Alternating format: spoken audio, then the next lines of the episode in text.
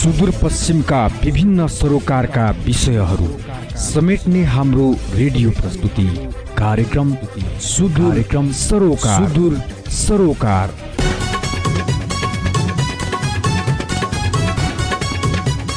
चाहे कला होस् या राजनीति संस्कृति होस् वा अर्थतन्त्रमाथिको खुल्ला बहस कार्यक्रम सुदूर सरोकार बिहान आठ बजेको सुदूर हाइलाइट्स पछि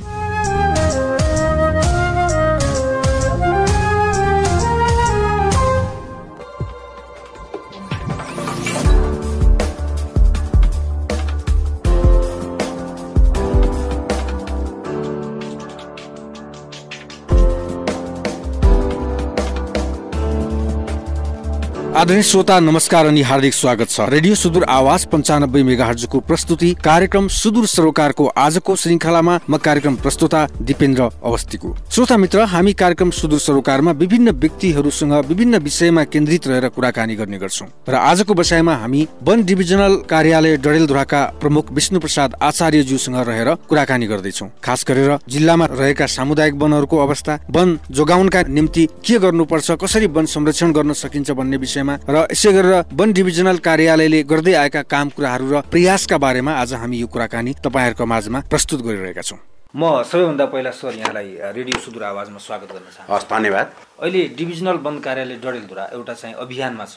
विद्यालयमा समुदायमा विभिन्न प्रकारका अभियानहरूको साथमा हुनुहुन्छ। यो अभियानको बारेमा हाम्रा आदरणीय श्रोताहरूलाई जानकारी गराइदिनुहुन्छ। धन्यवाद। हामी मूलत दुईवटा अभियानको बारेमा चाहिँ तीव्र गति गइरहेका छौँ। एउटा जनतासँग वनका कुरा भन्ने सामुदायिक वनका पदाधिकारी सामुदायिक वनको उपभोक्ताहरूसँग वन ए नीति नियमावलीका बारेमा जानकारी गराउने र सामुदायिक वनले गरेका कामहरूको बारेमा राइट वेमा छ कि रङ वेमा छ भन्ने विषय साथसाथै स्थानीय पालिका गाउँपालिकाको वार्ड र वार्ड समितिका अध्यक्ष वार्डका सदस्यहरूसँग मिलेर त्रिपक्षीय छलफल वन कार्यालय उपभोक्ता र पालिकाको पदाधिकारीको बिचमा पालिकाको कर्तव्य कति हो वन क्षेत्रमा? सामुदायिक वनतर्फ। सामुदायिक वनले के के दायित्व पुरा गर्नुपर्छ र डिभिजन वन कार्यालयले के के काम गर्नुपर्छ? हाम्रो त्रुटि के छ? सुझाव यदि वन कार्यालय सुझाव हो भने उहाँले हाम्रो सुझाव पनि दिनु पर्यो। र दोस्रो कुरो वन कार्यालयले चाहिँ आफ्ना कुराहरू जनतासँग वनका कुरा र जनताको मनका कुरा यो कार्यक्रमको नाम हो जहाँ वनले नीति नियम ऐन कानुनको बारेमा हामी पब्लिकलाई बताउने सामुदायिक वनका पदाधिकारीलाई बताउने र सामुदायिक वनका पदाधिकारीले आफ्नो मनमा भएका कुराहरू आफ्नो परेका समस्याहरू आफ्ना परेका कठिनाइहरू र त्यसको समाधान कसरी गर्न सकिन्छ भने पनि वन कार्यालयसँग तत्काल प्रश्नोत्तर गर्ने र यो कार्यक्रम हाम्रो डनलधुराको बत्तिस ठाउँमा हामी गर्दैछौँ। यसमध्ये चौबिसवटा रेड बुकको नियमित प्रोग्राम हो र आठवटा मैले महाभारत वन संरक्षण क्षेत्रबाट थपेर बत्तिसवटा पुर्याएका छौँ। र गत वर्ष हामीले एउटा पालिकामा एउटा गरेका थियौँ। समस्या के देखियो भने एउटा पालिकामा सबैलाई उपलब्ध गराउन सकेन उपस्थित गराउन सकेन। टाढाको उपभोक्ता पदाधिकारी आउने कार्यक्रम सुरु हुँदा नहुँदै तपाईँको यति मान्छे जानुपर्ने बाध्यता हुने उपभोक्ता टाढाका। यसपटक हामीले त्यसलाई चाहिँ चेन्ज गरेर मैले प्रदेश सरकारसँग त हरेक वार्डमा पुग्ने गरी बाहुन्नवटा माग्ने कार्यक्रम थिएँ तर हामीलाई त्यति धेरै पैसा दिन सकेन। प्रदेश सरकारले चौबिसवटा प्रोग्राम दियो बत्तिस ठाउँमा पुग्दैछौँ। मान्नु अस्ति अमरगढीको हामीले तिन ठाउँ सक्यौँ। अब नवदुर्गाको पाँच ठाउँ छ यसै गरी गन्यापधुराको चाहिँ पाँच ठाउँ छ भागेश्वरको चार ठाउँ छ विभिन्न ठाउँमा जहाँ उपभोक्तालाई सबभन्दा नजिक पर्छ र एउटा उपभोक्ताको मान्छे आधा घन्टाभन्दा बढी हिँड्नु नपरोस्। त्यही ठाउँमा हामी गएर स्पटमै स्थानीय पालिकाको पदाधिकारी हामी र सामुदायिक पदाधिकारी बसेर एकदम घनीभूत छलफल गर्ने चाहिँ अभियानमा छौँ। तिनवटा सकिएको छ अब उन्तिसवटा गर्दैछौँ हामी। भनेको अब समुदायबाट जस्तो यहाँले चाहिँ यो कार्यक्रम ल्याइसकेपछि तपाईँले त दिनुभयो उहाँलाई वन ऐनका बारेमा सबै कुराहरू भन्नुभयो। तर उहाँहरूले आफ्ना कठिनाइहरू चाहिँ आफ्ना मनका कुराहरू चाहिँ तपाईँसँग के राख्नु? होइन धेरै जसबाट आएको कुरा चाहिँ रकमका खर्च गर्ने सवालमा देखिएका छन्। जस्तो कि के देखिएको छ गरिबी निवारणमा गर्नुपर्ने पैसा वन व्यवस्थापन गर्नुपर्ने पैसा अधिकांश समूहले सार्वजनिक ठाउँमा खर्च गरेका छन्। हामीले उहाँलाई त्यो करेक्सन गर्न भनेका छौँ। धेरै जसो उहाँहरूबाट आएका कहिलेकाहीँ सामुदायिक वनको नवीकरण नभएका समूहहरू कति छन् उहाँलाई थाहै छैन। सामुदायिक नवीकरणका कुराहरू होइन? कहीँ समूहले समूहको नवीकरणका कुराहरू उठाएका छन् होइन? कतिपय समयले रकम खर्च खर्च गर्नेमा समस्या देखाएका छन् कतिपय ठाउँमा सीमा विवादका कुराकानी देखाएका छन् उहाँहरूले प्र्याक्टिकल समस्याहरू मूलत कानुनी समस्याभन्दा प्र्याक्टिकल समस्याहरू बारेमा उहाँले उजागर गर्नुभएको छ। र त्यसमै एउटा थप चाहिँ हामीले के गरेका छौँ भने स्थानीय पालिकाको पदाधिकारीलाई पनि राखेर वार्ड अध्यक्ष वार्ड सदस्य राखेर पनि उहाँहरूको इन्भल्भमेन्ट गरेका छौँ। जस्तो यसपटकबाट हामी आइसकेपछि अब हामीले सामुदायिक वनको कार्ययोजना नवीकरण गर्दा स्थानीय पालिकाको वार्ड अध्यक्ष अथवा वार्ड सदस्यको सिग्नेचर अनिवार्य गरिदिएका छौँ कि? हामीले गाउँलेलाई मेसेज के गरेका छौँ भने अबका सामुदायिक वनको हरेक कार्यक्रमहरूमा स्थानीय पालिकाको प्रतिनिधिको उपस्थिति अनिवार्य गराऊ भन्ने खालको कुरो। यो नै उहाँलाई थाहा थिएन कि? किन गर्ने कसो गर्ने भन्ने बारेमा थाहा छ। उहाँहरूको लागि पनि नयाँ भयो। धेरै नयाँ भयो। स्थानीय सरकारले नहेर्ने यो चाहिँ भन्ने खालको ट्रेन्ड भयो। यो खालको समस्या छ। त्यस हिसाबले उहाँहरूको चाहिँ अलिक बढी प्र्याक्टिकल खालका समस्या छन्। देखेका कुराहरू व्यावहारिक कुराहरू कहिले सिग्नेचरका नमिलेका कुराहरू कहिले ब्याङ्कमा अब अनि त्यसपछि हामीले जस्तो साना साना सिफारिस गर्न चाहिँ डिभिजनै आउनुपर्ने समस्याहरू हामीले यसलाई त धेरै पहिला अन्त गरिसकेको टुक्रो पनि उहाँलाई थाहा छैन। जस्तो सामुदायिक वनको हामीले अब यो रकम कलमका सामान्य ती वार्षको तिन लाख रुपियाँभन्दा तलका सिफारिसको निम्ति सब डिभिजनलाई हामीले अधिकार प्रत्यार्जन गरिदिएका छौँ। यस्ता अनि कार्ययोजनामा जस्तो अहिले पनि पाँच वर्ष कि दस वर्ष भने कन्फ्युज भइरहेको छ उपभोक्तालाई हामीले के मेसेज दिएका छौँ भने साना समूह कम उत्पादनशील हुने समूहलाई चाहिँ हामीले दस वर्ष कार्ययोजना नवीकरण सुरु गरिसकेका छौँ। तपाईँ यसमा चिन्ता गर्नु पर्दैन। उहाँलाई हामीले यो डेभलप इन्करेज हामीले गरिरहेका छौँ। उहाँहरूका मूलत व्यवहारिक खालको समस्या छन् भने हामीले कानुनी कुराहरू व्यवहारिक कुराहरू कहिलेकाहीँ सामुदायिक वनले उसले चाहिँ ठिक ठानिरहेको हो। तर सामुदायिक वनको नियमभन्दा बाहिर तपाईँले जानु भएको छ भने हामीले उहाँलाई ट्र्याकमा ल्याउनु प्रयत्न गरेका छौँ। र यसको रेस्पोन्स असाध्यै सकारात्मक छ। जति पनि हामीले समस्या छलफल गऱ्यौँ उहाँहरूसँग हामीले फिडब्याक पनि लियौँ। धेरैको बुझाइ चाहिँ के छ? र हामीले यति कुरो पनि थाहा रहेनछ। कम्तीमा वनकारले ठाउँमै आएर हाम्रै गाउँमा आएर हाम्रै ठाउँमा र हाम्रो बस्तीमा आएर हामी सबैलाई राखेर जुन खुला ढङ्गले छलफल गरिरहेको छ यो चाहिँ हामीलाई निकै उपलब्धिमूलक भयो भन्नुभएको छ र वार्ड अध्यक्षले पनि यसलाई चाहिँ असाध्यै सकारात्मक लिनुभएको छ हामीलाई त्यही ढङ्गले सुझाव दिनुभएको छ। जस्तो सर अब यो वनहरूमा चाहिँ के छ भने जुन प्लान्ट छ त्यो चाहिँ हुर्किएर ठुलो भयो त्यसैलाई चाहिँ नि घेरबार गरेर एउटा सामुदायिक वनहरूको कन्सेप्ट छ अहिलेसम्म पनि।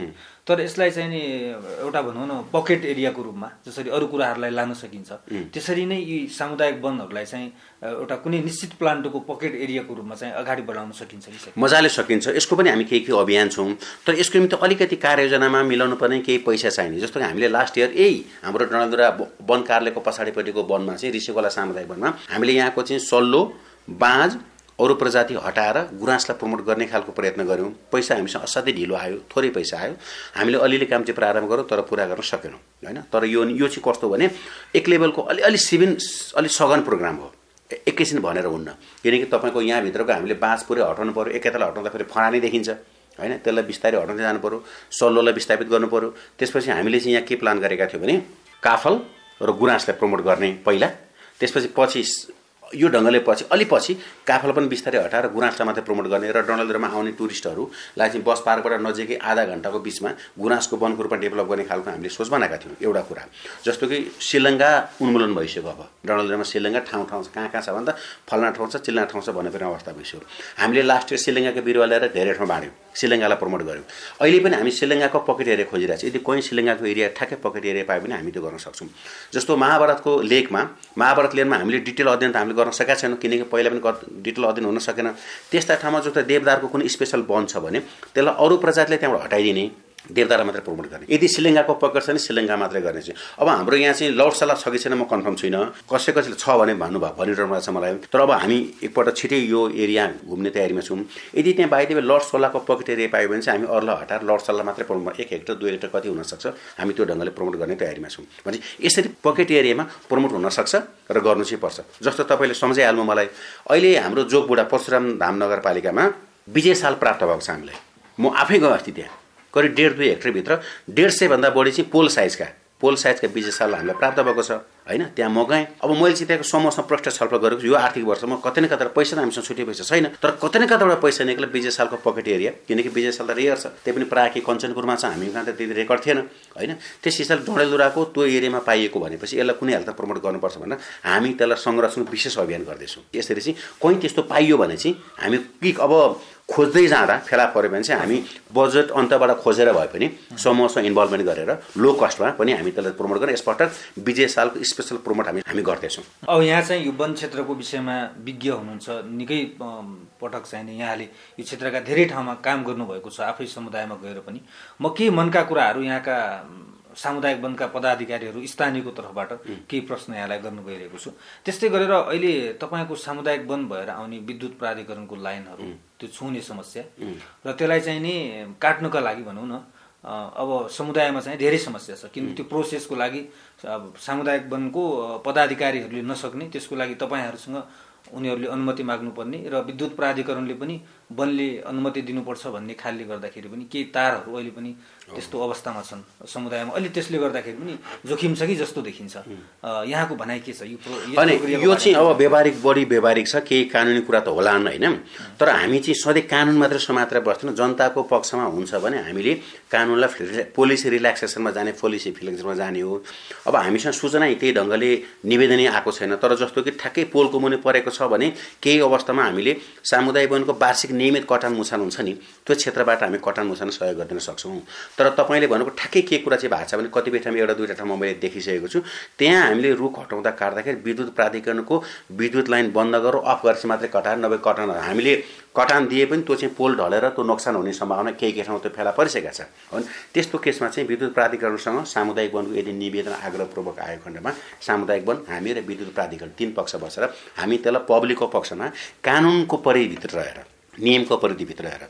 जस्तो सामुदायिक वनको एक हजार सेफ्टी कटाउन अनुमति छ मानौँ उदाहरणमा चाहिँ त्यस्तो स्पेसल केस छ भने तिन चार सय सेफ्टी पनि यदि त्यो वरिपरि पर्छ भने बरु हामी कार्ययोजनाको नियमित कटान हुन्छ नि नियमित कटानबाट घट्ने गरी मिलान गर्ने गरी हामी त्यस्ता कुरामा फ्लेक्सिबल गर्न हामी पुरै तयार छौँ। किनकि हामीले आएको दिनदेखि नै वन कार्यालय भनेको त जनताको लागि हो। वन व्यवस्थापन लाग्यो। अनि व्यवस्थापन जनताले गरिरहेका छन्। र जनताको पक्षमा यदि हामीले उहाँहरूको पक्ष निर्णय गरिदिएन उहाँलाई सहयोग गर्दैन भने त यो अन्याय हुनसक्छ भोलि गएर दुर्घटना ठुलो दुर्घटना होला त्यस हिसाबले भोलि हुन सक्ने ठुलो दुर्घटना टाल्नको निमित्त वनकारले हामी विद्युत प्राधिकरणसँग समूहसँग बस्न तयार छौँ। एउटा दुइटा समूहमा चाहिँ सामान्य छलफल भएको छ।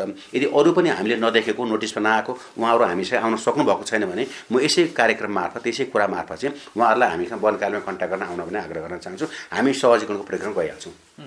सर जस्तो जङ्गली जनावरहरू डडेलधुराको सन्दर्भमा क्षतिपूर्तिको कुराहरू छ राहत वा क्षतिपूर्ति पाउने कुराहरू छ कुन कुन जङ्गली जनावरका कारण घाइते भएमा वा मृत्यु भएमा?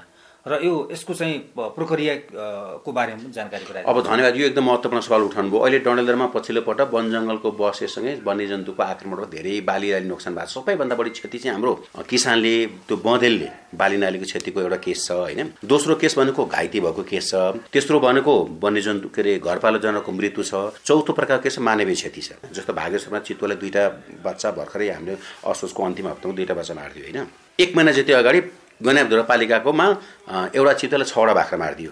होइन यस्तो केस घटिरहेछ लक्कीले तपाईँले मलाई आजै म प्रश्न सोध्नु आजै छवटा बाख्राको पैसा आएको छ आजै। राज्यले क्षतिपूर्ति दिएको साठी हजार रुपियाँ उहाँले दाबी गर्नुभएको थियो। मैले नि बैठक सैठक राखेर एकदम क्विकली वार्डन कार्यालयमा फोन गरेर यो चाहिँ यदि स्पेसल केस हो टुङ्गाइदियो भनेपछि आजै आएको छ। दुईवटा मान्छेको नवदुर्गा गाउँपालिकाको बँदेलबाट चाहिँ घाइते भएको महिलाको दुईवटा महिलाको पैसा आएको छ र एउटा बँदेलको अन्नबाली क्षतिको दस हजार रुपियाँ आएको छ। भनेपछि अस्ति एउटा आएको छ आज चारवटा पाँचवटा केस आइसकेको छ। यतै हामीसँग चार पाँचवटा फाइल गएको छ विशेष गरी बाली क्षतिको मकै बाली क्षतिको। त्यसको चाहिँ अलिकति जटिल छ।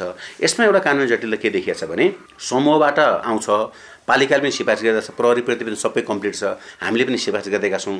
तर हामीले सिधै पैसा दिन सक्दैनौँ।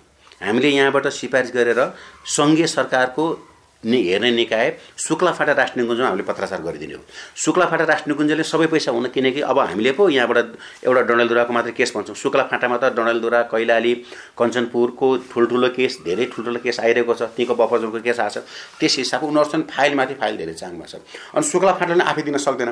उसले पनि सङ्घमा पहल गर्नु पऱ्यो अनि यो प्रक्रिया लामो। जस्तो आजकै तपाईँको चेक मतलब हेर स्टेटमेन्ट हेर्नुहुन्छ भने हामीले शुक्ला फाँटा पठाइदिउँ। शुक्ला विभाग पठायो विभागले एप्रुभ गर्यो। त्यो पैसा शुक्ला फाँटा आयो। शुक्ला फाँटा कार्यालयले हाम्रो नाममा पैसा पठायो अब यो पैसा फेरि कोलिने थ्रु चेक काटेर गाउँमा पुग्दा त कति लामो प्रक्रिया सर्कल भयो? जस्ट पाँच दिन अगाडि धनगढीमा वन मन्त्रालयमा छलफलमा गएका थियो वन एनको प्राय अहिले ड्राफ्ट भइरहेछ। वन एनमा हामीले के प्रश्न भनेका छौँ प्रदेश सरकारले यो क्षतिपूर्ति वन्यजन्तुबाट हुने क्षतिपूर्ति चाहिँ सङ्घकोबाट हटाएर प्रदेश सरकारले आफै दिन सक्ने व्यवस्था मिलाइदिनुपर्छ। डडेलधुरा वन कार्यालयमा दस लाख रुपियाँ बिस लाख रुपियाँ आयो भने त आएको पाँच हजार सात हजार लिएको किसानलाई त म त तपाईँ यहीँबाट टुङ्गाइन्छु उसले त दुःखै पाउँदैन झन्झटै पाउँदैन। त्यस हिसाबले ठुला तथा जटिल केसमा चाहिँ प्रदेश सरकारको पनि इन्भल्भ जस्तो मानवीय क्षतिका कुराहरू ठुलो पैसा हो दस लाख रुपियाँ एमाउन्ट दिनुपर्छ। त्यो हो होइन। त्यस हिसाबले अहिले नेपाल सरकारले वन्यजन्तुको क्षतिको मामलामा राहतमा विगतमा धेरै उधार भएको छ। जस्तो कि दस लाख रुपियाँसम्म यद्यपि दस लाखले मानवीय क्षतिको कभर त हुँदैन क्लियर छ कुरा। तर पनि कम्तीमा राहत हो त्यो। राहत भनेको राहत हो राहतलाई क्षतिपूर्तिमा बुझ्न मिल्दैन। त्यो राहत थियो। अब अहिले जस्तो कि घाइतेको अघिल्लो पटक दुई लाख रुपियाँसम्म घाइतेलाई दिने ठुलो अलिक भीषण घाइतेलाई धेरै घाइतेलाई दुई लाख रुपियाँ दिन सक्ने अवस्था थियो नि। अहिले नेपाल सरकार निर्णय गरेर पछिल्लो पाँचौँ संशोधनमा के निर्णय तेस्रो संशोधन के निर्णय गर्यो भने दुई लाख रुपियाँ होइन यदि घाइते भयो जति पनि बेहोर्ने भन्ने खालको चाहिँ निर्णय गरेको छ भनेपछि। विशेष गरी बाघ भालु हात्ती होइन? जङ्गली जनावर यस्ताबाट चाहिँ अलिकति क्षतिपूर्ति दिएका छ। अहिले जङ्गली बँदेलकोबाट पनि क्षतिपूर्ति चाहिँ दिने गरेको छ। अहिले चाहिँ पछिल्लो पटक यो राम्रो चाहिँ चौधवटा चौ चौधवटा जनावरको चाहिँ ले गरेको बालीनाली क्षति मान्छे क्षति गोठ पत्काको क्षति छ र हरेकको प्रकृति फरक छ। जस्तो बालीको अधिकतम दस हजार रुपियाँ र एक बाली यसरी गरेको छ मानिसको क्षतिमा दस लाखसम्म दिने गरेको छ। जस्तो सर बाँदरबाट त मान्छेमा आक्रमण हुने सम्भावना त कम हुन्छ तर क्षतिपूर्तिमा राखिदिएको छैन। तर नहोला त भन्न सकिँदैन। हुन्छ। कतै कतै भएको भएको छ। एकदम तपाईँले भनेको कुरो भएको छ। यसमा के भइरहेछ भने सरकारले सच्याउँदै गएको छ हिजोभन्दा विगतभन्दा। होइन? अब अलिकति चाहिँ एउटा हाम्रो चुकेका पनि छौँ। जस्तोको अस्ति आलु सुपरजोनको प्रोग्राममा म गन्याबधुरामा हाम्रो आलु सुपरजोन लोग हामी थुप्रै पोलिटिकल पार्टीका मान्छे उहाँहरू हुनुहुन्थ्यो पालिकाको पनि हुनुहुन्थ्यो समन्वय समितिकै जानुभएको थियो। गाउँले हामीलाई मलाई मदलको क्षतिबारे कुराकानी गर्नुभयो इन्सुरेन्सको कुराकानी भयो मैले उहाँलाई एउटा सानो सुझाव दिएँ तपाईँहरू चालिसवटा चाहिँ आलुको किसान हुनुहुन्छ भने प्रति किलो दस पैसा प्रति किलो पन्ध्र पैसा या पच्चिस पैसा तपाईँहरूले चाहिँ इन्सुरेन्स त्यहीँ डेभलप गर्नुहोस्। बाली नालीको क्षति सबैको बाली त क्षति गर्दैन। एउटा घरले दुई हजार चार हजार पाँच हजार दस हजार हरेक केजीको दस पैसा धेरै पनि परेन। एउटा किसानले दस पैसा आलुको छुट्याउन त सक्छ। आफ्नो इन्सुरेन्स आफै टुङ्गाउने के? त्यसपछि बाली इन्सुरेन्स छँदैछ अलिकति कृषिको क्षतिपूर्ति छँदैछ अलिकति हाम्रो क्षतिपूर्ति छ अलिकति सामुदायिक वनसँग कन्ट्याक्ट गर्नुहोस् भनेपछि यो ढङ्गले गर्ने हो भने क्षतिपूर्तिमा तत्काल राहत हुन सक्छ। स्वास्थ्य बिमा पनि स्वास्थ्य होइन स्वास्थ्य बिमा पनि गर्न सक्ने एउटा कुरा चाहिँ आलुकै मात्रै मैले दिएको उदाहरण एउटा प्रति केजी दस पैसा या पाँच पैसा मात्रै आलु इन्सुरेन्समा छुट्याइदिने हो भनेदेखि अब मानौँ न हाम्रो एक लाख रुपियाँ फन्डमा जम्मा भयो सबै भागेश्वरको मतलब गनापधरको वार्ड नम्बर एकको उदाहरण लिएकोमा सबै किसानको चाहिँ अलिअलि जम्मा गर्ने फन्ड त राम्रो पैसा हुन्छ। त्यसपछि जुन किसानलाई बाली नाली क्षति भयो उसलाई क्विकली राहत दिन सक्यो। त्यसपछि वनकाले दिने राहत कृषिले राहत त छँदैछ। अब वनले दिने राहत असाध्यै ढिलो छ। मैले तपाईँ सुरुमै पनि भनेँ। त्यहाँबाट निवेदन आउन त्यो पालिकाको प्रक्रिया वार्ड कार्यालयको सिफारिस प्रहरी प्रतिवेदन यो मुचुल्का बनाउँदै बनाउँदै पन्ध्र दिन लाग्छ। म कहाँ आइपुग्दा पाँच सात दिन लाग्छ। त्यसपछि मैले फेरि शुक्ला फाटा पठाउँछु पाँच सात दिन हुलाबाट पठाउँदा दस दिन लाग्छ। उसले विभाग छ अनुमति लिँदा पन्ध्र बिस दिन एक महिना लाग्छ। उसको अनि त्यसपछि त्यो मकै आउँदा आउँदै छ महिनादेखि एक वर्षभित्र लाग्छ। त्यो बेला त किसान आलुको उत्साह खत्तम भइसकेको हुन्छ। क्षति भएको हुन्छ सात हजार आठ हजार पाँच हजार अनि उसको प्रक्रिया यति लामो हुन्छ उसले त बिर्सि पनि सकेको हुन्छ कि? त्यस हिसाबले तत्काल इमिडिएटली एउटा चाहिँ आलुको समूहले एउटा छुट्याउनु। दोस्रो सामुदायिक वनहरूसँग पनि उहाँले जो लामा किसान हुनुहुन्छ व्यापारीमा गर्नुभएको छ सामुदायिक वनसँग जो समूहसँग पैसा छ अलिअलि त्यहाँकोबाट चाहिँ राहतको पैसा छुट्याउन सक्छ।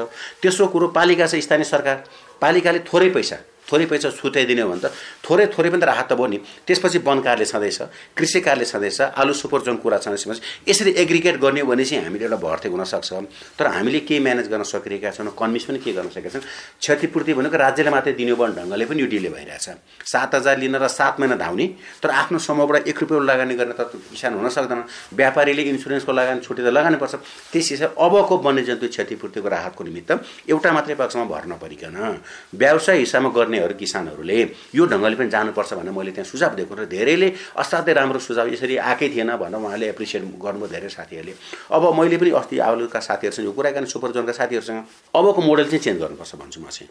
तपाईँको क्षतिपूर्तिको सोच पनि चेन्ज गर्नुपर्छ मोडलिङ पनि चेन्ज गर्नुपर्छ। एउटा राज्यले सधैँ र साध्य पनि लाग्दैन। होइन एउटा कुरा दोस्रो महत्त्वपूर्ण एचिभमेन्ट चाहिँ के भएको छ भने अस्ति प्रदेश सरकारको प्रदेश वनयनको तयको सिलसिलामा हामी सबै डिएफओहरू पुगेका थियौँ। एकदम प्रष्ट शब्दमा हाम्रो वन्यजन्तु क्षतिपूर्तिको राहत हामीलाई बडा समस्या भएको छ। मानवीय ढङ्गले हामी संवेदनशील छौँ। कानुनी हिसाबले के गर्न सक्दैनौँ। किसान घाइते भएको छ होइन? उसको चाहिँ जिउमा ठुलो चोट लागेको छ तर हामी दुई रुपियाँ दिन सक्दैनौँ। अब व्यक्तिगत रूपमा दिनु हजार पाँच सय दिनु त्यो सम्भव पनि हुनु कुरा होइन। त्यस हिसाबले यो कुरालाई प्रदेश सरकारले आफ्नो एनमै हालिदियो भने त सहज भयो सिधै वन कार्यमा पैसा आउँछ। म त तुरन्त दस हजार रुपियाँ स्पटमा दिन सक्ने भए यस्तो खालको फ्लेक्सिबल गर्नुपर्छ भने त प्रदेश वन एनमा आउँदैछ। प्रदेशमा हामीले इन्कर्पोरेट गरेका छौँ।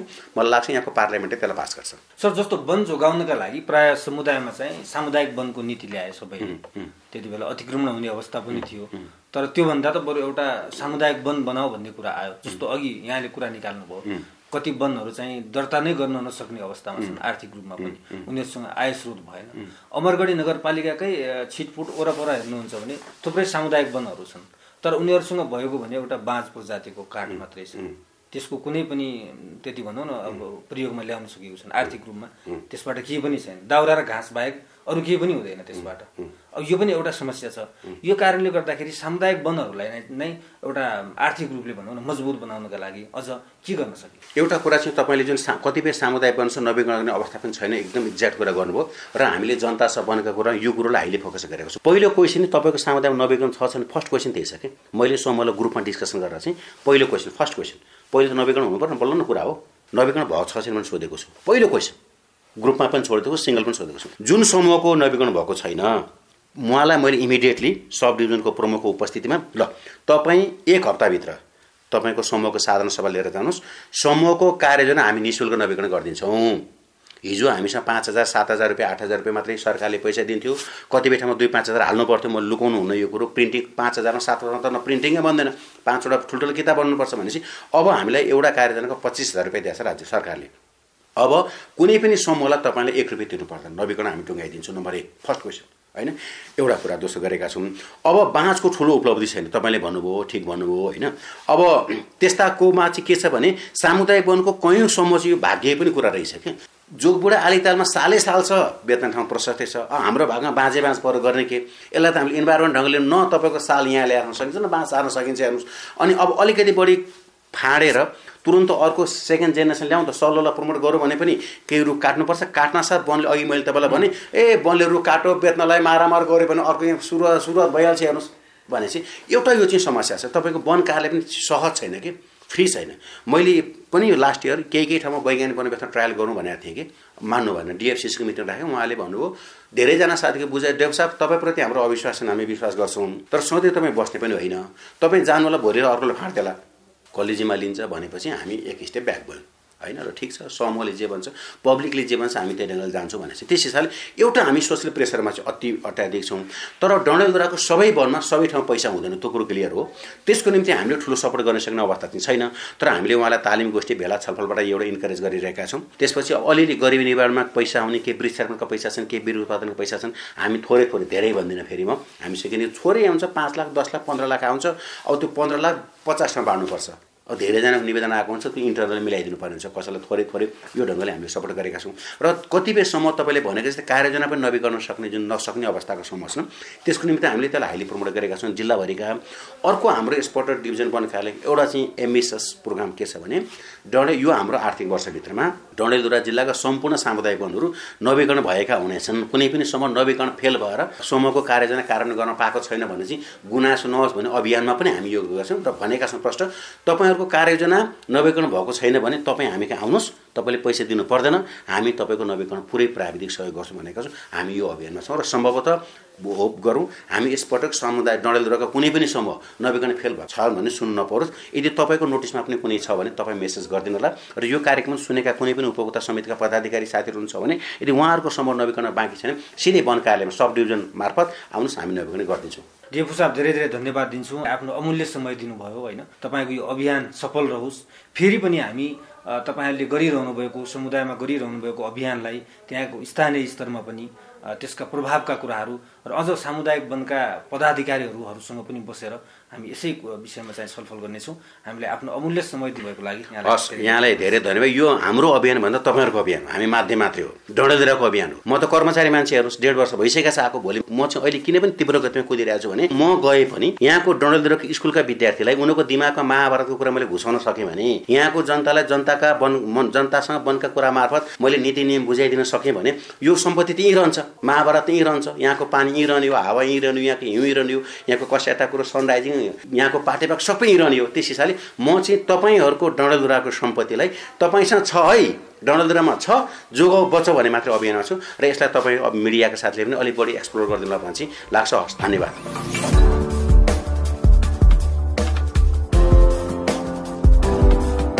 हौस् त। उहाँ हुनुहुन्थ्यो वन डिभिजनल कार्यालय डडेलधुराका प्रमुख विष्णुप्रसाद आचार्य। आजको लागि हाम्रो कार्यक्रमको निर्धारित समय सकिने लागेको छ। कार्यक्रम सुनिदिनु भएकोमा यहाँहरूलाई धेरै धेरै धन्यवाद छ। कार्यक्रमबाट म प्रस्तुता दिपेन्द्र पनि विदा हुन्छु। नमस्कार।